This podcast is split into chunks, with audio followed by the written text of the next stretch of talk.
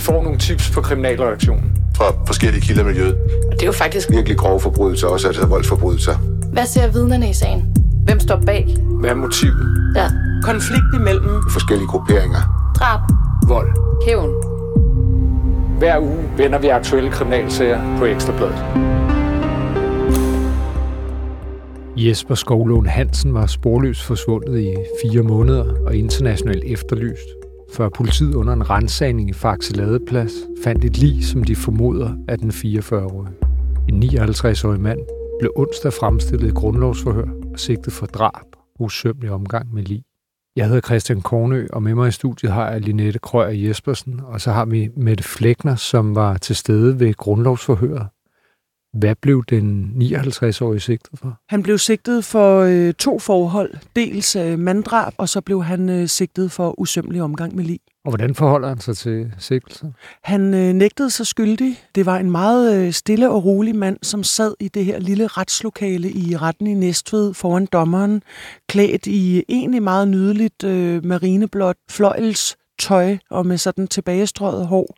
Og øh, han nægtede sig skyldig, men hvad han ellers forklarede, kom ikke frem, fordi at anklageren begærede om dørlukning, og pressens repræsentanter blev sendt ud. Men der kom jo nogle flere detaljer frem i sigtelsen omkring hændelsesforløbet. Hvad er det, at anklagemyndigheden mener er sket? Anklagemyndigheden mener, at øh, Jesper Skovlund er blevet dræbt, og at han så er blevet lagt ud i en øh, kompostbunke i en have, som ligger i et sommerhusområde nede ved Faxe Ladeplads. Der har personen, altså offeret, ligget skjult på en eller anden måde, og at det er sket på et tidspunkt efter øh, midten af juli måned i sommer. Ja, han forsvinder i midten af juli, og der bliver også i gang sat noget eftersøgning, så vidt jeg husker. Øh, Missing People er ude og lede efter ham, ikke? Øh, men det er jo meget specielt, at han dukker op i den her kompostbunke her. Vi har naturligvis prøvet at spørge politiet. Altså, der er jo, der er jo, der er jo to scenarier. Enten, at der er nogen, som pludselig opdager, altså, at der ligger et eller andet, som ikke skal være der. Øh, eller at der er nogle oplysninger til politiet om, at de skal rykke ud til den adresse. Men det kan jo også være et scenarie, at politiet faktisk har nogle spor, de undersøger i eftersøgningen af Jesper Skovlund. Og øh, vi spurgte politiet indledningsvis, og øh, de bekræftede, at det var efterforskningen af den forsvundne, som havde ført dem til denne sommerhusadresse, og hvor livet så ligger. Og har han nogen forbindelse til sommerhusadressen, ved vi det? Det er sådan lidt underligt, fordi vi ved, øh, vi har hørt, at han skulle kende nogen, som på øh, de øh, sideliggende gader, øh, nogle enkelte. Der var også en øh, kvinde, jeg talte med dernede, som var ret sikker på, da jeg viste billedet, at hun havde set ham. Men vi har ingen viden om øh, relationen mellem, altså helt specifikt offeret, og så det kvarter, eller mellem offeret og så den mand, der er anholdt for drab. Hvem var offeret Jesper Skovlund Hansen så? Vi ved ikke så meget om ham. Altså, han blev jo, som øh, I også har sagt i, øh, i jeres øh, indledning, han blev efterlyst af Sydsjælland og Lolland Falsters politi tilbage i sommer, men det var med nogle ganske få linjer.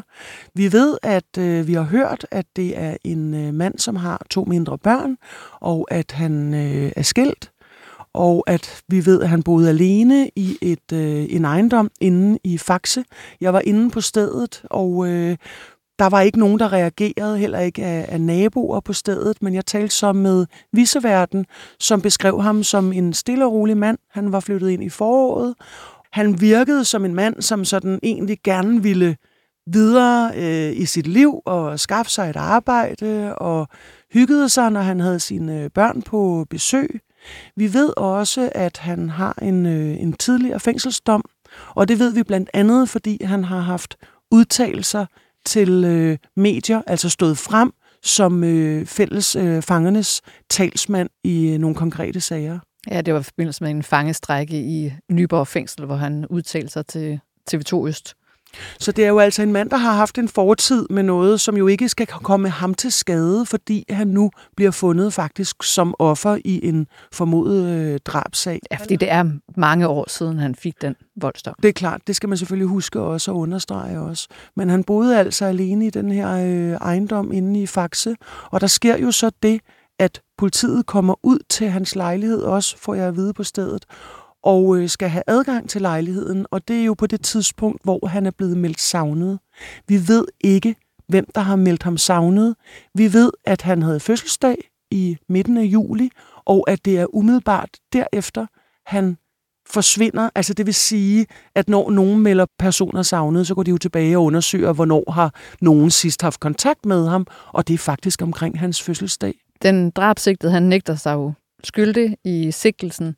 Jeg har fornemmelsen af, at det har været lidt nemmere for jer at finde oplysninger omkring øh, ham, hvem han er. Men det er jo en person, som, som har gjort et vist indtryk i kvarteret dernede i Faxe Ladeplads. Øh, det er en øh, person, som har nogle psykiske udfordringer, øh, og øh, der er flere, der siger, at han øh, egentlig er en super charmerende og, og meget øh, sådan kunstnerisk øh, type på den ene side, men også kunne være... Øh, øh, altså sådan springe i øjnene på, på anden vis. Øh, altså, der var en, der brugte udtrykket, øh, så cykler han forbi og ligesom øh, rækker hånden i vejret og siger hej hej, og på den måde egentlig virkede meget fremkommelig, men som også i sin... Øh, i, på en bolig, han har, øh, har opbevaret rigtig mange ting. Altså, der ligger ting i haven og foran huset. Og øh, der havde været noget oprydning faktisk på stedet her for tre uger siden, og der havde han givet udtryk for en, øh, en nabo i kvarteret, at det gav ham noget ro i hovedet også, at der var ryddet op. Så han har en stor berøringsflade. Ja, men så er han øh, muligvis en af de her typer med samlermani, altså som simpelthen samler ting. Øh. Ja. Ja, det er der jo blandt andet en af hans venner, som beskriver. Han beskriver ham som en ekstrem samler, og generelt bliver han jo beskrevet som en krejler-type, hvor der simpelthen ligger ting og sager all over. Jeg, jeg hørte jo faktisk en psykolog udtale, at der er helt op mod 5% af befolkningen, som har altså tendenser til det her samleri i større og mindre grad, og det er jo sådan, at folks hjem kan vokse fuldstændig til i ting, og til sidst er der kun sådan små stier, øh, de kan bevæge sig rundt på, og så bevæger de sig ud i haven, og det er jo også til stor belastning for dem selv, men, men jo også nogle gange for deres omgivelser. Jeg synes også, det er vigtigt at sige, da, da vi gik rundt nede i kvarteret der i øh, det her snefyldte øh, område, som, øh, som, som det var, øh, og i forbindelse med politiets undersøgelse på stedet naturligvis også talt med flere beboere i kvarteret. Der var ikke nogen af dem, der beskrev ham som voldelig eller truende. Altså han er reagerer på alle mulige andre øh, punkter, i hvert fald i det, vi øh, sådan får at vide, eller skiller sig ud på mange forskellige punkter, men ikke som sådan en øh, voldelig eller truende, og der var en, der sagde, at det kom, det kom bag på dem, at han var blevet sigtet i den her sag. Men politiet må have en eller anden form for bevis, som kan altså gøre, at en, en dommer øh, fængsler ham på begrundet mistanke for ja, grov vold, øh, eller vold med dødens følge, tror jeg, det blev. ikke. Det, der er jo interessant ved det, når du nævner det her, det er jo selvfølgelig, man kan sige, vi får at vide sigtelsen, han er sigtet for drab, så bliver pressens repræsentanter sendt ud, der er dørlukning, og så får vi lov til at komme ind igen, når vi skal høre fængslingskendelsen. Altså, hvorfor er det, dommeren siger, at den her mand skal fængsles? Og der siger hun jo så, at han bliver fængslet på en mistanke om i hvert fald grov vold. Og så sidder man jo og spekulerer på, grundlovsforhøret varede en times tid. Han har kommet med en eller anden forklaring derinde. Vi ved ikke hvad, øh, af hensyn til efterforskningen, åbenbart. Men når hun fængsler på grov vold, offeret endnu ikke er blevet obduceret, man ved ikke, altså man har ikke det fulde overblik over, hvad der er sket, men vi kan konstatere, at der er lig, der faktisk bliver fundet ude under en kompostbunke. Så er der sket en eller anden form for kriminelt. Spørgsmålet er bare, hvad er det egentlig, der har forårsaget offerets død? Og der kan det da godt være, at han har givet en eller anden forklaring om, at nu, nu siger jeg bare noget, altså nu kommer jeg bare med et forholdsvis kvalificeret bud, at de har været op at toppes, eller der sker et eller andet, og at han dør under nogle andre om uheldige omstændigheder. Men vi kan jo i hvert fald fastslå, at han nægter drab. Og det er ikke på en drabsmistanke, han bliver fængslet. Han har haft en påfaldende adfærd. Dommeren siger specifikt i retsmødet, at hun lægger vægt på de omstændigheder, hvor under livet bliver fundet. Det er i sig selv meget mærkeligt, at man ligger ude i en have øh, under en kompostbunke. Men også, at han har haft en påfaldende adfærd efterfølgende. Og det ved vi så ikke mere om, hvad er. Det bliver spændende at følge. Øh, lige her til allersidst vil jeg gerne vende tilbage til, til offeret Jesper Skovlund Hansen. Øh, han var forsvundet i en del måneder, øh, før han, han blev fundet under kompostbunken, og der ved jeg, at øh, Ben Isager, der er tidligere rejseholdschef, har tidligere sagt, at han mener, at der er et stort mørketal i den her forsvundne statistik. Så et mørketal, der skjuler drab. Og Linette, det er jo noget, du også har kigget lidt på. Øh, altså, er der nogle aktuelle forsvindingssager i øjeblikket, der stikker ud i den retning? Øh, aktuelle forsvindingssager, så kan man jo blandt andet nævne Clark, den tidligere Hells Angels og Banditos øh, rocker, som øh, forsvandt sporløst i 2011. Øh, han er tidligere forsøgt øh, myrdet, og så øh, kom det jo så faktisk frem i en bog, øh, der hed Bad Company, at der var en rocker-afhopper, som øh, hævdede, at han øh, havde hørt, at Clark var blevet slået ihjel af en unavngiven Banditos øh, rocker. Han ved så ikke, hvor at øh, livet så skulle være blevet øh, skaffet af vejen. Altså, så han har jo så været forsvundet siden 2011, men altså, det er da klart en af de sager, hvor man tænker, at øh, der kunne der meget vel være uler i mosen på den øh, forsvindingssag. Så er der også en anden sag, som jeg har været meget optaget af, som er sådan en familiefar, en der hedder Jimmy øh, Lillelund, som øh, forsvandt i april 2020. Øh, og sidste livstegn frem, det var i hans øh, søsters øh, gård i Gunsø Magle, og hans øh, bil blev så efterfølgende fundet i en kolonihave i Ishøj. Og han er jo altså, forsvundet fra to børn, og hans øh, ekskone og hans ekskæreste siger begge to, at de kan slet ikke forestille sig, at han skulle være forsvundet frivilligt, og politiet har også sagt, at de kunne godt frygte, at der var sket en uh, forbrydelse. Så det er da også en af de sager, der sådan kan få øh, advarselsklokkerne til at ringe. Og så er det jo netop det der, som, som Linette siger, hvornår er det politiet opfatter, det her er alvorligt? Altså en forsvindingssag, en drabsag, tager jo udgangspunkt i, at der er et lig. At der er en død, der ligger, og nu skal man i gang med at efterforske. Det her med, en person er forsvundet fra jordens overflade. Hvis der ikke ligger blodspor, eller knuste ruder, eller økser, eller skydevåben, eller et eller andet, eller nedtrampet græs, altså noget, der ikke hvor alarmklokkerne begynder at bimle. Hvornår er det så, at politiet skal tage det her meget, meget alvorligt og så sige, vi bliver nødt til at undersøge, om der kan ligge en kriminel gerning i øh, bag. Og der bliver jeg jo nødt til også desværre at minde om Emilie Meng-sagen, altså en ung pige, som skal hjem fra byen og går alene afsted og de her spekulationer i starten, som vil være fuldstændig naturlige. Kunne hun være taget ind til en kæreste i byen, eller var hun ked af noget, og derfor søgte hen til nogle andre venner? Altså, hvor lang tid skal der gå, før man faktisk begynder at indlede denne her gennemgribende efterforskning, som en drabsefterforskning jo er. Altså, og der er det jo altså, at tid koster penge, og tid koster spor. Så det ja. er en stor opgave for, hvornår man ligesom skal gribe meget, meget alvorligt ind fra politiets side.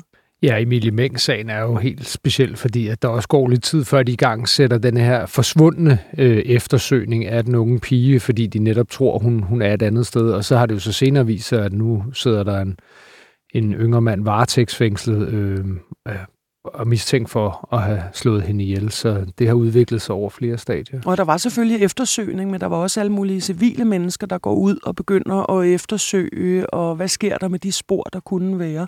Men det er bare fordi, det er klart, den sag blev selvfølgelig også øh, undersøgt og efterforsket, også på et hurtigere tidspunkt, end, end, end hvad vi ellers ved om, øh, omkring andre sager, men, men der kan altså være vigtige spor, der går tabt fra starten af. Ja, og det er jo ikke ulovligt som øh, voksen menneske at forsvinde sporløst. Altså hvis man øh, er træt i sin familie, eller hvis man øh, bare gerne vil rejse til udlandet og egentlig at leve sit liv der, så er det jo ikke ulovligt. Men det er jo selvfølgelig klart, at man kigger på, om er der nogen alarmklokker. Altså, og det er jo så der, man sådan retrospekt i Emilie Meng-sagen jo nok godt kan se, at hun var ikke en, en pige, som bare ville forsvinde. Mm. Hun skulle op på arbejde som kirkesanger dagen efter.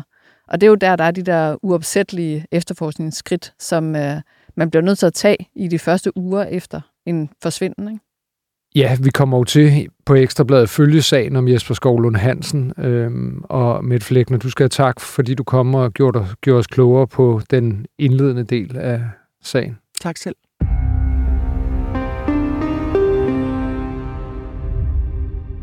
Cyklende udkigsposter holder et vågent øje med trafikken på gader og stisystemer i parken.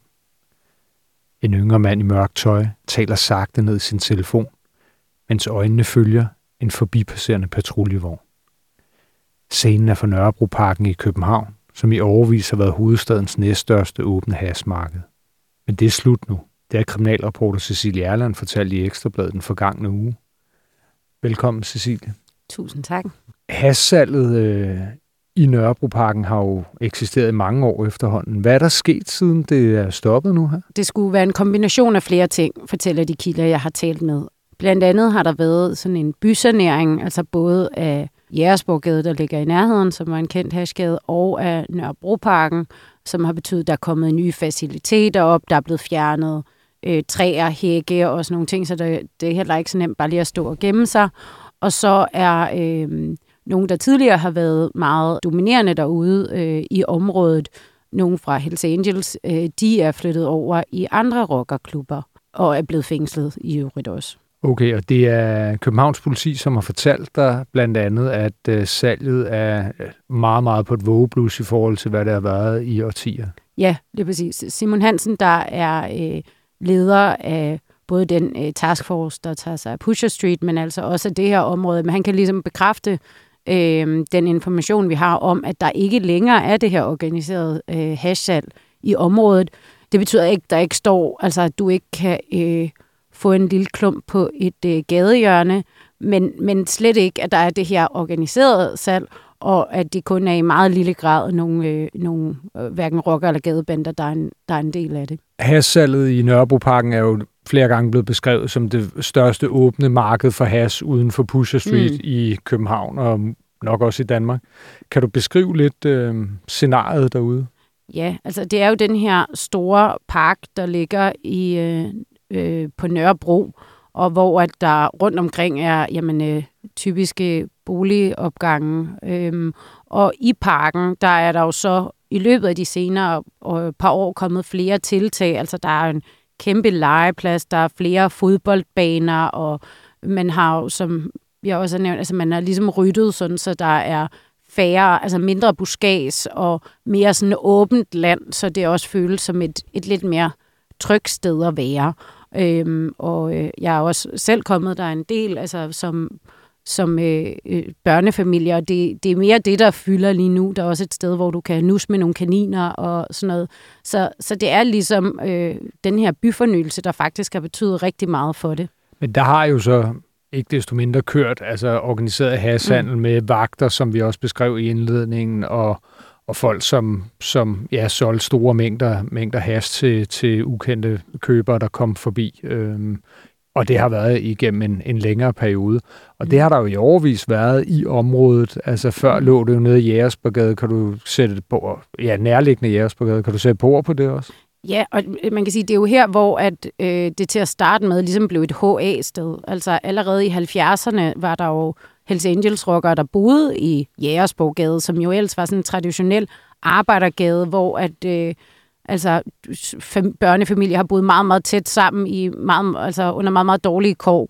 Men det bliver så en andelsforening, hvor at, øh, der er flere Hells Angels rockere, og øh, der bor, og det bliver ligesom en rockergade. Øh, altså det bliver simpelthen omtalt som en rockergade, og der foregår meget åbenlyst hashsalg her i øh, ja, flere årtier.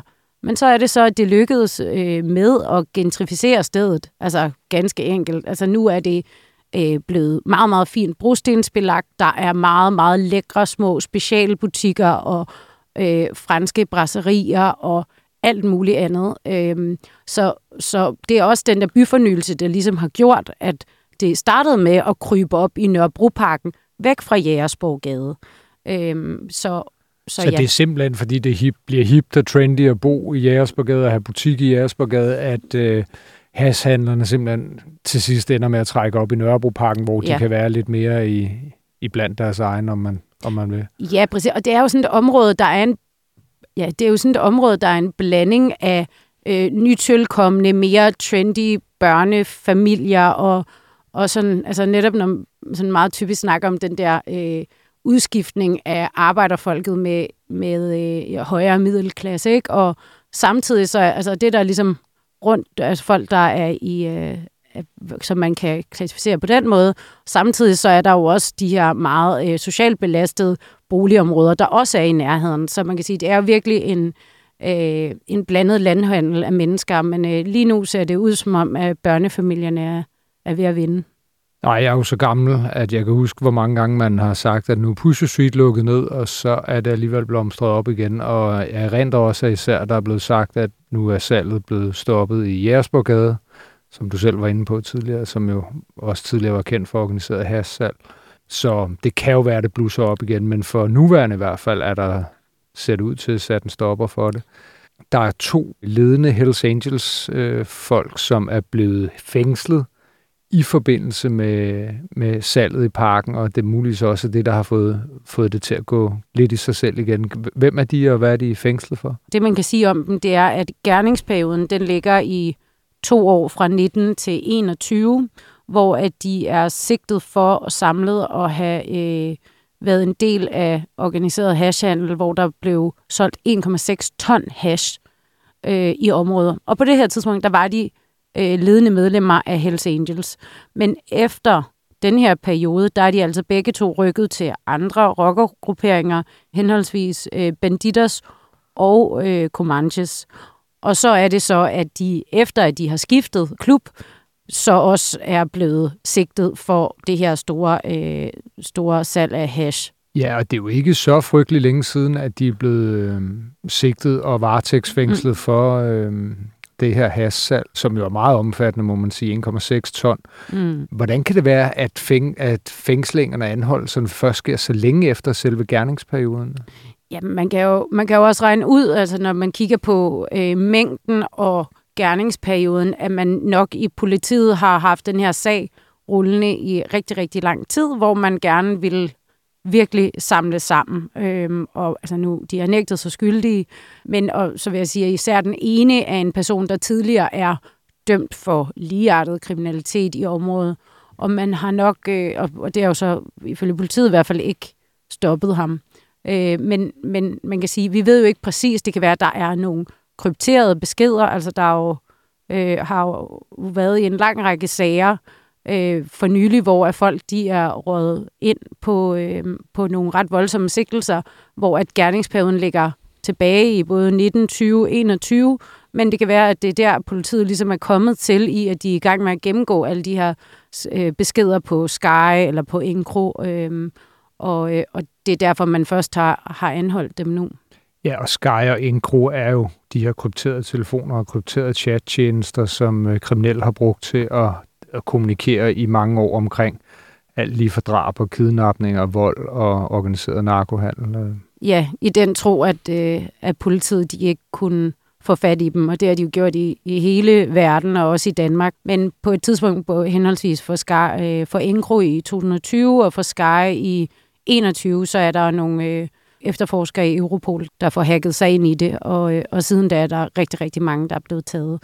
Så vi ved ikke 100% sikkert, om, øh, om det er det. Det fremgår ikke af sigtelserne mod dem, men det kunne være et godt bud på, hvorfor de først bliver anholdt her øh, halvanden to år efter. Og lige for at hoppe videre til noget andet, øh, men meget relateret, så er der jo også øh, i øjeblikket, og har jo også tidligere været en øh, konflikt mellem LCF og Hells Angels i området. Øh, spiller det ind i forhold til det her hassal? Der var jo også vi ved godt, der er en konflikt, der kører i øjeblikket øh, med bombesprængning ud for Svanevej, som det sidste offentligt kendte anslag, men året før var der jo også en voldsom konflikt mellem øh, LCF og Hells Angels. Spiller det også ind? Øh, ja, det, det ved jeg ikke helt, om jeg vil, om jeg vil vurdere. Mm. Altså, vi ved i hvert fald, at øh, i sommeren 22, der var der nogle episoder frem og tilbage i området omkring Nørrebroparken, omkring nærliggende Lundtoftegade, øh, Øh, hvor er LTF har en afdeling, og, øh, og så øh, på den ene side, og så på den anden side har vi øh, Copenhagen, Hells Angels Copenhagen-afdeling, der ligger i Nordvest. Og de har ligesom begge to haft lidt aktier i det her hashmarked. Og der er øh, et voldsomt overfald ude på Borups Allé, hvor at en større flok mænd ligesom overfaldt den her, det her Loyal to Familia-medlem. Først påkørte ham på en scooter, og bagefter stak ham, tævede ham med køller, og alt muligt, der gjorde, at han, han endte med både at have kraniebrud og en hjerneblødning og, og var tæt på at dø.